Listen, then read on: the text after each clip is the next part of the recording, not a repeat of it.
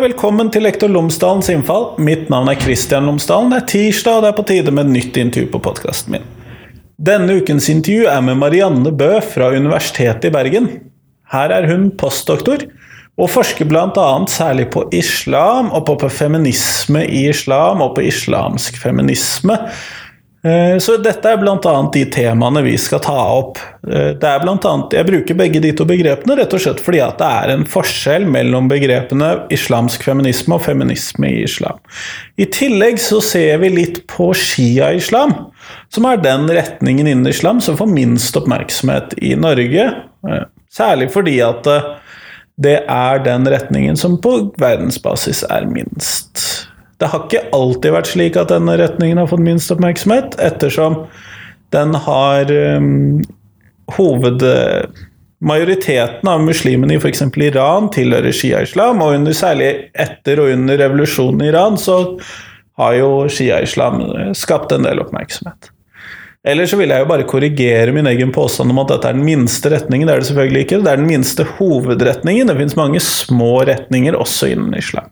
Men her skal du få intervjuet, skal du få høre Marianne Bø. Vær så god.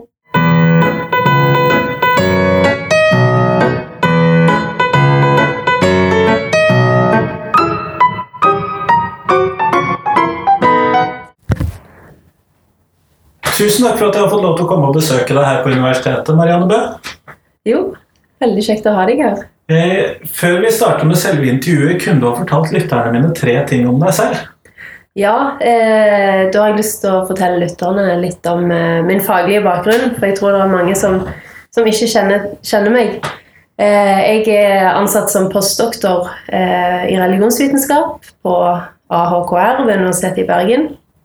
Eh, jeg har eh, spesialisert meg i muslimsk familielov, altså dvs. Si, lover og regler religiøse lover og regler som gjelder for ekteskap, skilsmisse, barnefordeling, arbeidsspørsmål og sånn. Eh, og jeg har spesialisert meg i shia-islam, i feminisme i islam. Eh, jeg har En tredje ting kan si er at jeg har eh, gjort feltarbeid i ulike perioder i Iran. Og jeg har studert persisk ved Universitetet i Teheran. Ja.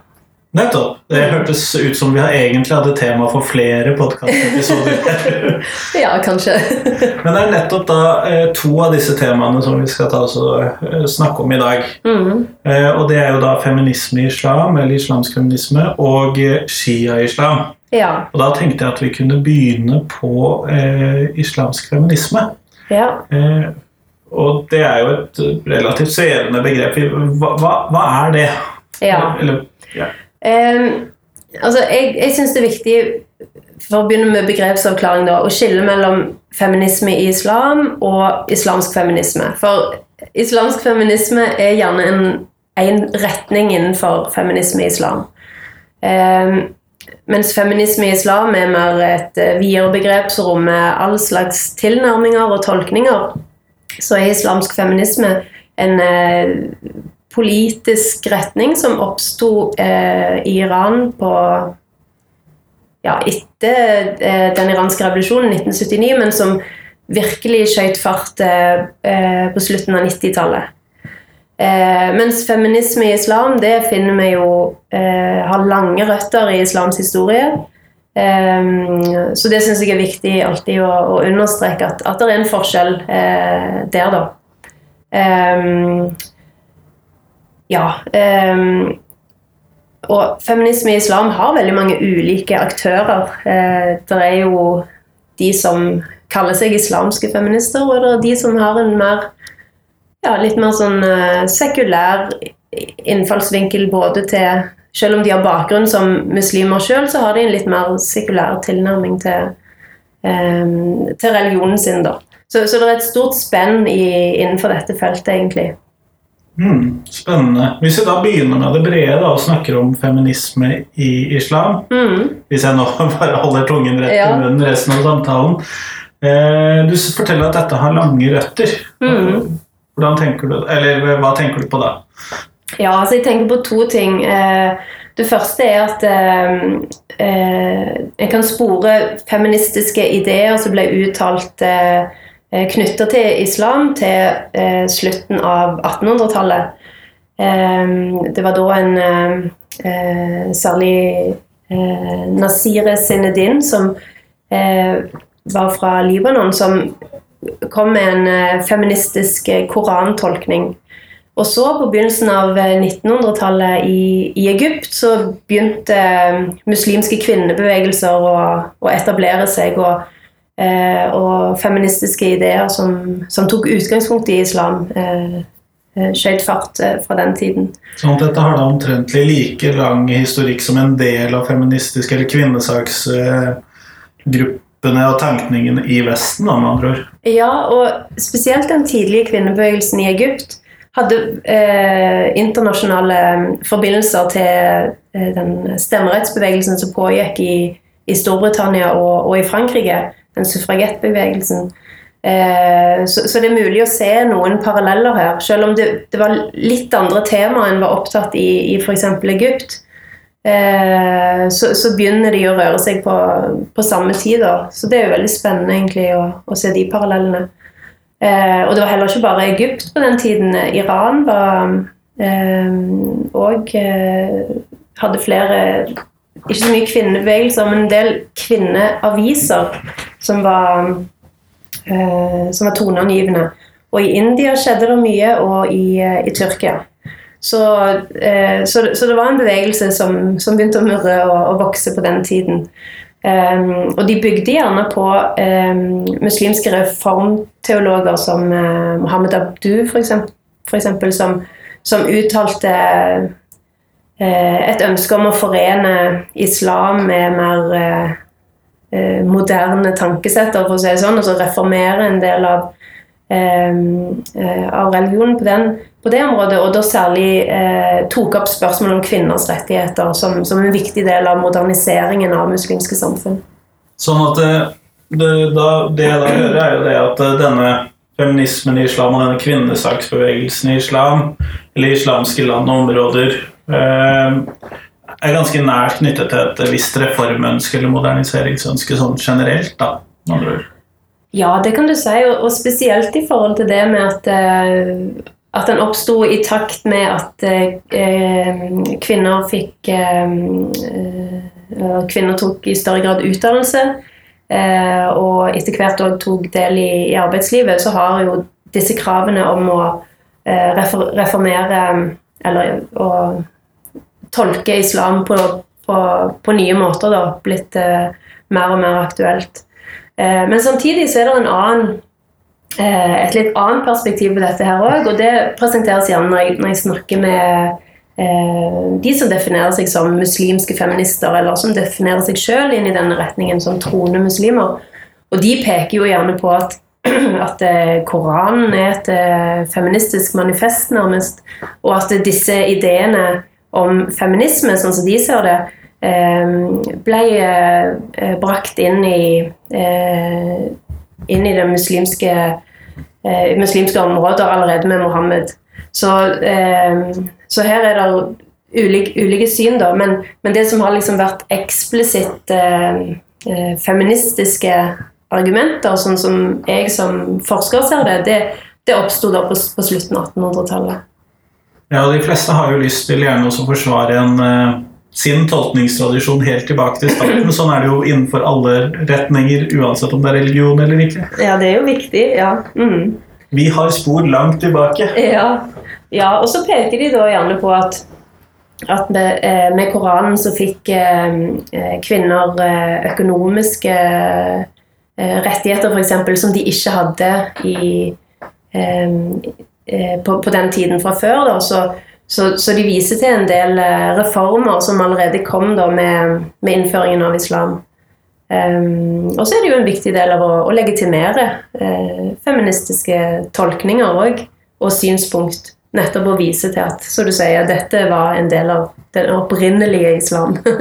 ja, det er, jo viktig når man først skal når man først henter legitimitet langt tilbake fra. Mm. Men hvis vi da ser på feminisme i islam i dag, Eh, hvilke områder eller saksområder er det man jobber eh, gjerne med da? Eller hva er det det dreier seg om nå i dag? Mm. Eh, det, er, det er noen temaer som går igjen, og det er spesielt knytta til forholdet mellom mann og kvinne. Eh, da særlig ekteskapet som, som går igjen. Eh, og det som jeg nevnte, som jeg har jobba mye med, muslimsk familielov. Det er sånn eh, Skaper mye hodebry for mange kvinner og menn rundt omkring i, i verden. Det er det jo ikke til å legge skjul på. Eh, eksempel så er det med kvinners adgang til skilsmisse eh, et gjennomgående tema. Det er gjerne sånn at eh, eh, der hvor, muslimsk, der hvor en skal gifte eller skille seg i, henhold til muslimsk familielov, så har ikke kvinner samme adgang til skilsmisse som menn. Men, eh, eh mens menn har nærme tilnærmet ubegrensa eh, adgang til, til skilsmisse, så, så, har kvinner veldig, eh, veldig få muligheter til å eh, få tatt ut skilsmisse. Eh, ellers er det jo et annet tema som er veldig interessant og aktuelt i dag, er jo dette med eh, religiøst lederskap. Eh, og da er jo f.eks. spørsmålet om en kvinne kan være imam, eh, noe som er eh, Ja, det har blitt aktualisert nå i Oslo, er det vel, blant mm, annet. Ja, og det dukket jo egentlig Eller ble jo først eh, satt på, på dagsorden av eh, Amina Wadud, som kanskje er den mest kjente muslimske feministen i dag. Eh, hun er jo opprinnelig amerikaner, men eh, eh hun er i dag bosatt i Indonesia, hvis jeg ikke tar feil. Eh, og hun opptrådte for første gang i var det 1995 som imam, eh, hvor hun leda en forsamling bestående av både menn og kvinner, og det er det som er kontroversielt, at du leder en kjønnsblanda forsamling. Og ikke bare en kvinneforsamling? Ja, for det finnes det mange eksempler på, at kvinner har lederroller for andre kvinner. Og det er ikke kontroversielt. Men det kontroversielle er at en kvinne står foran menn eh, og leder til bønn. Eh, men det gjorde altså Amina Wadud, og samtidig så eh, publiserte hun òg eh, boken sin eh, 'Woman and the Koran', hvor hun da ga et eh, teologisk eh, resonnement for hvorfor hennes rolle som imam var, var rettmessig i henhold til islam. Eh, så det, det, var jo banebrytende og veldig veldig kontroversielt når, når, det skjedde. Men det som er interessant nå, da, er jo at vi ser nå, ja, bare de siste par årene, at det har kommet tilsvarende Ja, for det er jo nå det har begynt å komme? Mm, ja, det, og det det er noe helt nytt. Eh, vi har jo sett det i Tyskland, er det noe som heter Goethe-moskeen, som er en åpen, inkluderende moské hvor både menn og kvinner kan benytte samme eh, inngang og sitte i samme rom, og som òg har kvinnelig imam. Eh, og tilsvarende initiativ har nå kommet i, i Canada og i eh, Storbritannia. Og det er òg planer om å sette i gang noe tilsvarende i Norge. da. Um, så ja, så, så det skjer mye på dette feltet, og det gjør det jo ekstra spennende. Men det er vel ikke akkurat ukontroversielt? Nei, langt derifra. Det er veldig Veldig omstridt, uh, for å si det mildt. Um, uh, samtidig så handler det jo litt om uh, Jeg tenker jo at det gjenspeiler et mangfold da, blant Eh, blant muslimer i, i Tyskland, Canada, Storbritannia eller i Norge. Eh, og, og, hvis disse eh, og, hvis det er et marked for det, så, eh, og det appellerer til en viss gruppe muslimer, så, eh, så, så, kan det jo fungere, da. Men det er jo klart at det er mange som, som mener at det er, er feil tolkning, og at det, at de, de, ikke har noen legitimitet eh, som imamer hvis, hvis, de er kvinner, eller, eh, eller hvis de òg driver disse kjønnsblanda moskeene. Altså, til og med det er kontroversielt. Mm. Eh, men hvis vi da ser på feministisk islam opp mot eh, Eller ser på feministisk islam spesifikt istedenfor mm. feminisme i islam generelt. Ja. Eh, hvordan er, For du nevnte at det var en politisk retning. Islamsk feminisme, ja. Yeah. ja. Um, hva går den ut på? Ja, eh, altså den ble jo definert veldig i den iranske sammenhengen og konteksten med at eh, eh altså Det som skjedde i 1979, var jo en, del eh, av de rettighetene som kvinner i Iran hadde, ble reversert. For så ble det igjen eh, Fikk menn eh, tilnærmet ubegrensa eh, tilgang til å inngå flerkoneri. Og Det hadde tidligere vært begrensa ved at de måtte ha den første konen sitt samtykke, de måtte ha eh, en dommer sin eh, godkjenning og diverse sånne ting som måtte ligge på plass. da. Eh, mens nå ble det nærmest eh, fritt spillerom for, for den slags praksis. Eh, og i tillegg så, eh, så ble skilsmisserettighetene til kvinner veldig begrensa det de hadde vært i eh, fra før revolusjonen. Så, så eh, kvinner fikk dårligere rettigheter, rett og slett, etter 1979. og da så vi jo at istedenfor å bare kjempe mot systemet, så var det en del av eh, eh, de politisk aktive kvinnene som begynte å eh, drive en sånn lobbyvirksomhet inne i, innad i systemet. Og, og, begynte å rett og slett å tolke eh, religiø religiøse tekster på, på egen hånd for å komme med motvekt og motargumenter mot det religiøse Eh, regime. Så de spilte egentlig ball innenfor regimets opptrukne linjer, da, med andre ord? Mm, ja. Og eksempel da sånn eh, i Iran, som er et eh, land som er eh, preget av den eh, shia-islamske eh, Jafari-lovskolen, eh, så er det jo en, en, åpning for å drive såkalt ishtihad, som er en lovtolkningsprosess. Eh, som ikke i dag egentlig er åpen for sunnimuslimer. Ja, eller det er omdiskutert, men ikke i like stor grad, i hvert fall. Eh, og den eh, var det da eh, flere av disse iranske islamske feministene som, som tok til orde for, og, og, sa at eh, nå er det på tide med ishtihad og eh, når det gjelder kvinners rettigheter. Eh, og det var jo naturligvis òg som en konsekvens av at ja, dette skjedde på midten av 1990-tallet.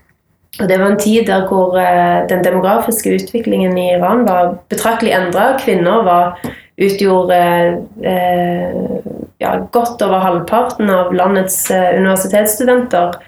Eh, så, så, det var virkelig et skifte i, i Irans moderne historie, som òg da krevde en del endringer i, i, i retts, rettslig sett, da, sånn som disse kvinnene så det.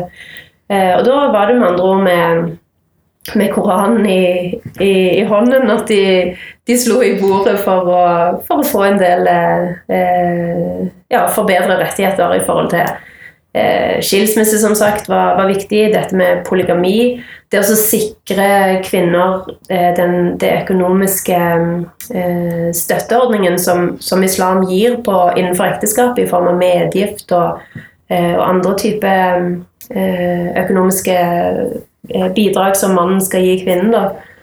Eh, men det var òg f.eks. For i forhold til å, at eh, en kvinne ikke skulle være avhengig av å få mannen sin tillatelse til å reise utenlands. For det, det, er en sånn greie at hvis du er gift i Iran, så, så, har, så er mannen din, din verge på et vis og må da signere en attest som sier at du har tillatelse til å forlate landet.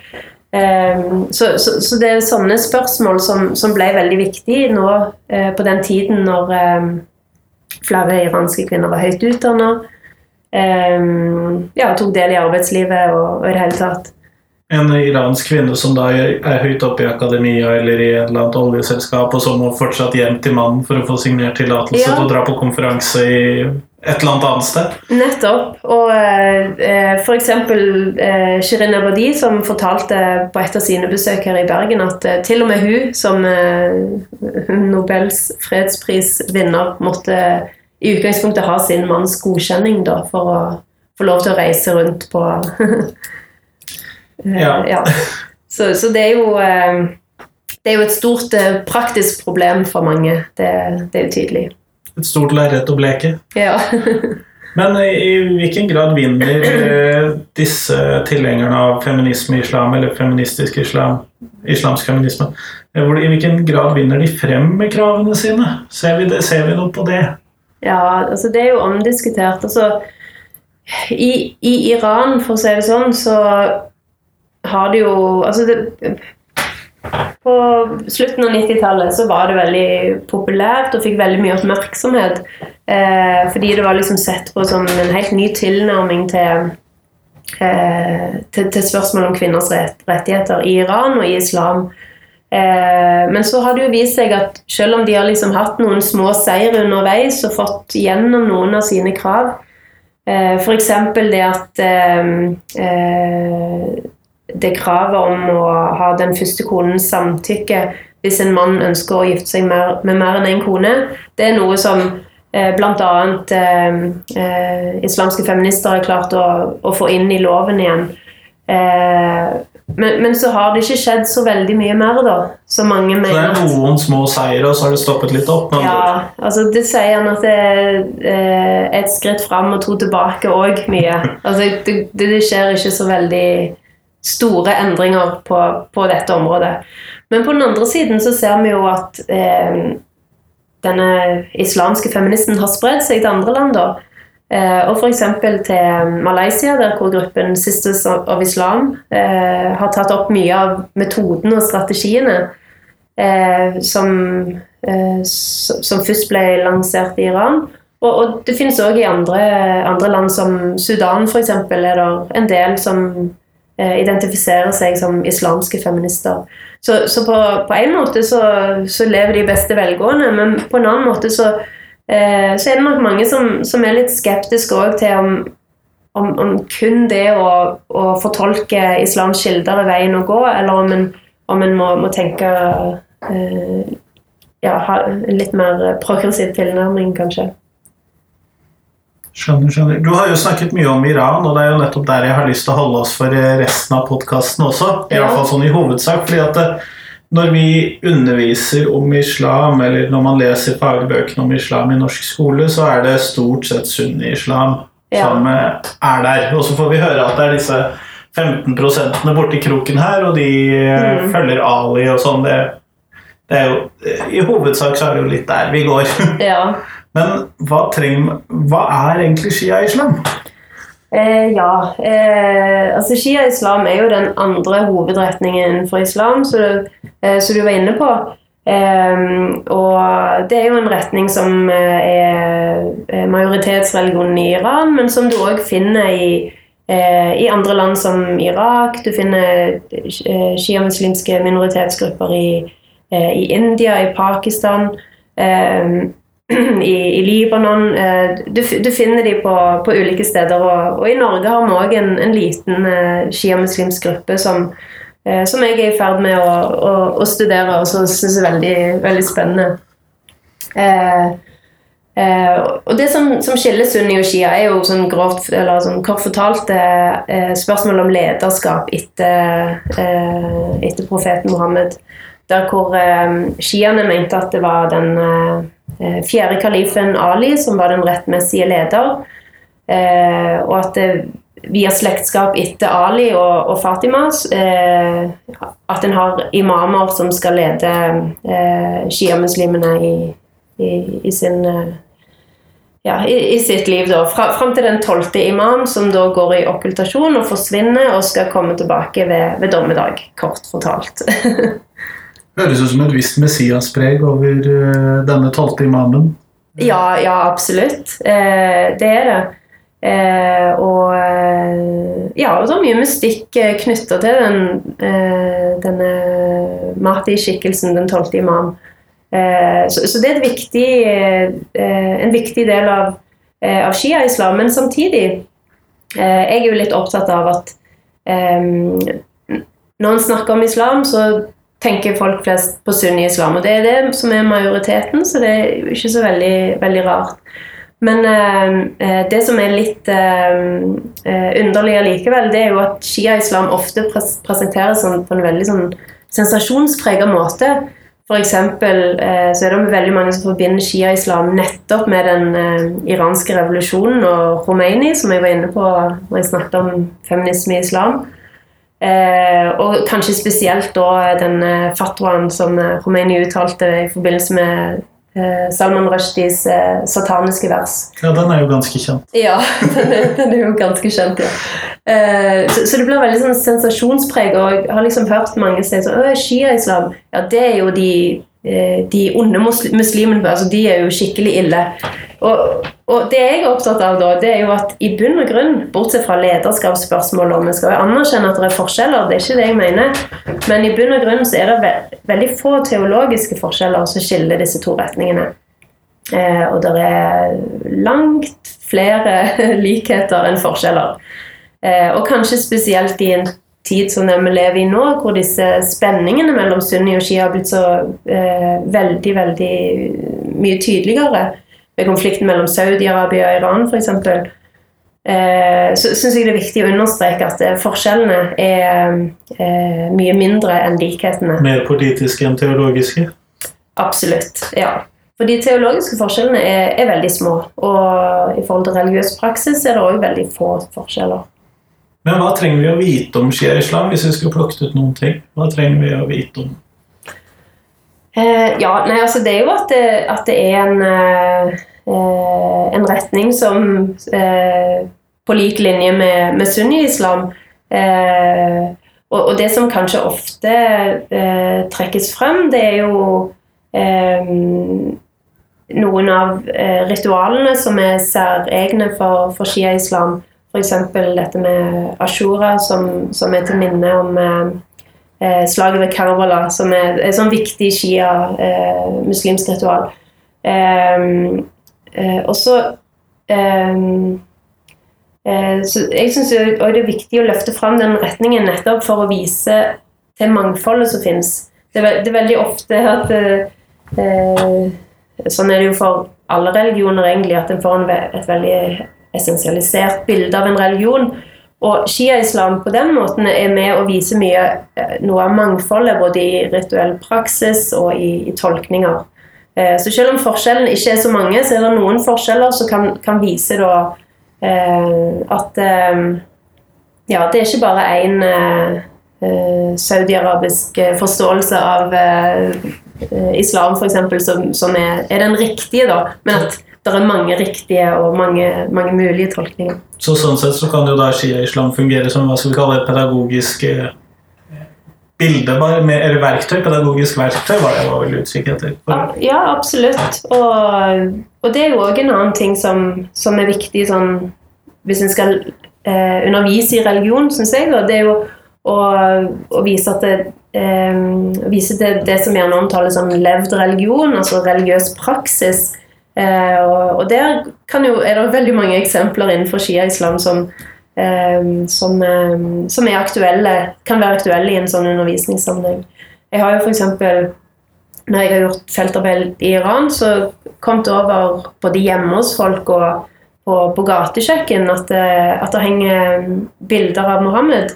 Og det har vi jo egentlig hørt og Ja, det fins jo ikke. Nei, og, og det er jo forbudt. Sant? Det er jo liksom den, eh, den forklaringen som, som ofte blir gitt. Men eh, ja, du ser jo eh, her at eh, tvert imot så fins eh, Mohammed-avbildninger i veldig mange former. Og det bildet som jeg viser deg nå, er jo bildet av Mohammed som eh, i, eh, så, eh, avbilda som en ung gutt med blomst i håret, eh, som kanskje ikke er det eh, det som en først tenker på når en eh, tenker på Mohammed. da. Men, men eh, den type eh, billedbruk og tradisjoner er, eh, er utbredt i Iran, og, og noe som eh, iranere gjør med respekt for eh, profeten Mohammed. Det er gjort på en respektfull måte, og, og det er en viktig del av, av den, eh, det eh, religiøse liv. Så det er en type ikonografi som ligner eller billedbruk da, som ligner ganske mye på det vi har i, i- finner i luthersk kristendom, f.eks. Ja, altså både ja og nei. Jeg tror en sånn sammenligning òg kan være litt eh, forenkla. Men, eh, men, men det er klart at en har likhets, likhetstrekk i og med at eh, det er avbildninger av, eh, av profeten og, og sånn, men, men, det er òg eh, Det er òg forskjeller da som, som viser seg på, på det området. Kjempeflott. Det tror jeg kan være nyttig kunnskap for eh, de som hører på. Særlig de som da skal prøve å undervise religion og få opp med seg alle disse forskjellene.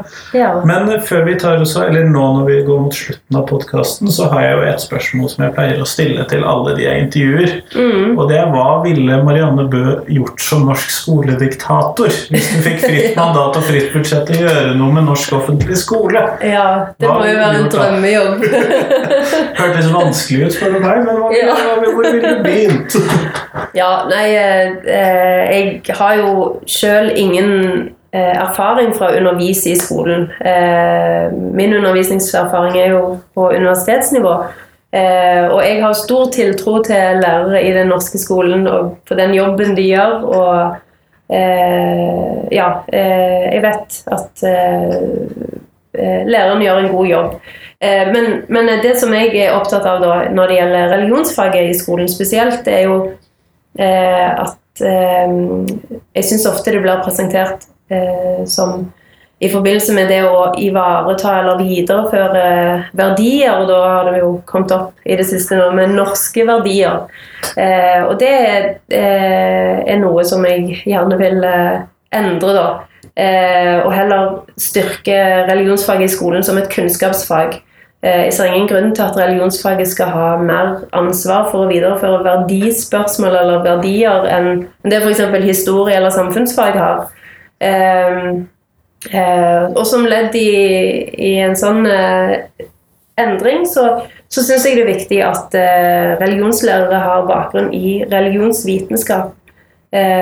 Så hvis jeg skulle vært diktator, så hadde jeg pålagt alle som underviser i religion, om å eh, studere religionsvitenskap. Kjempeflott. Tusen takk. Bare hyggelig.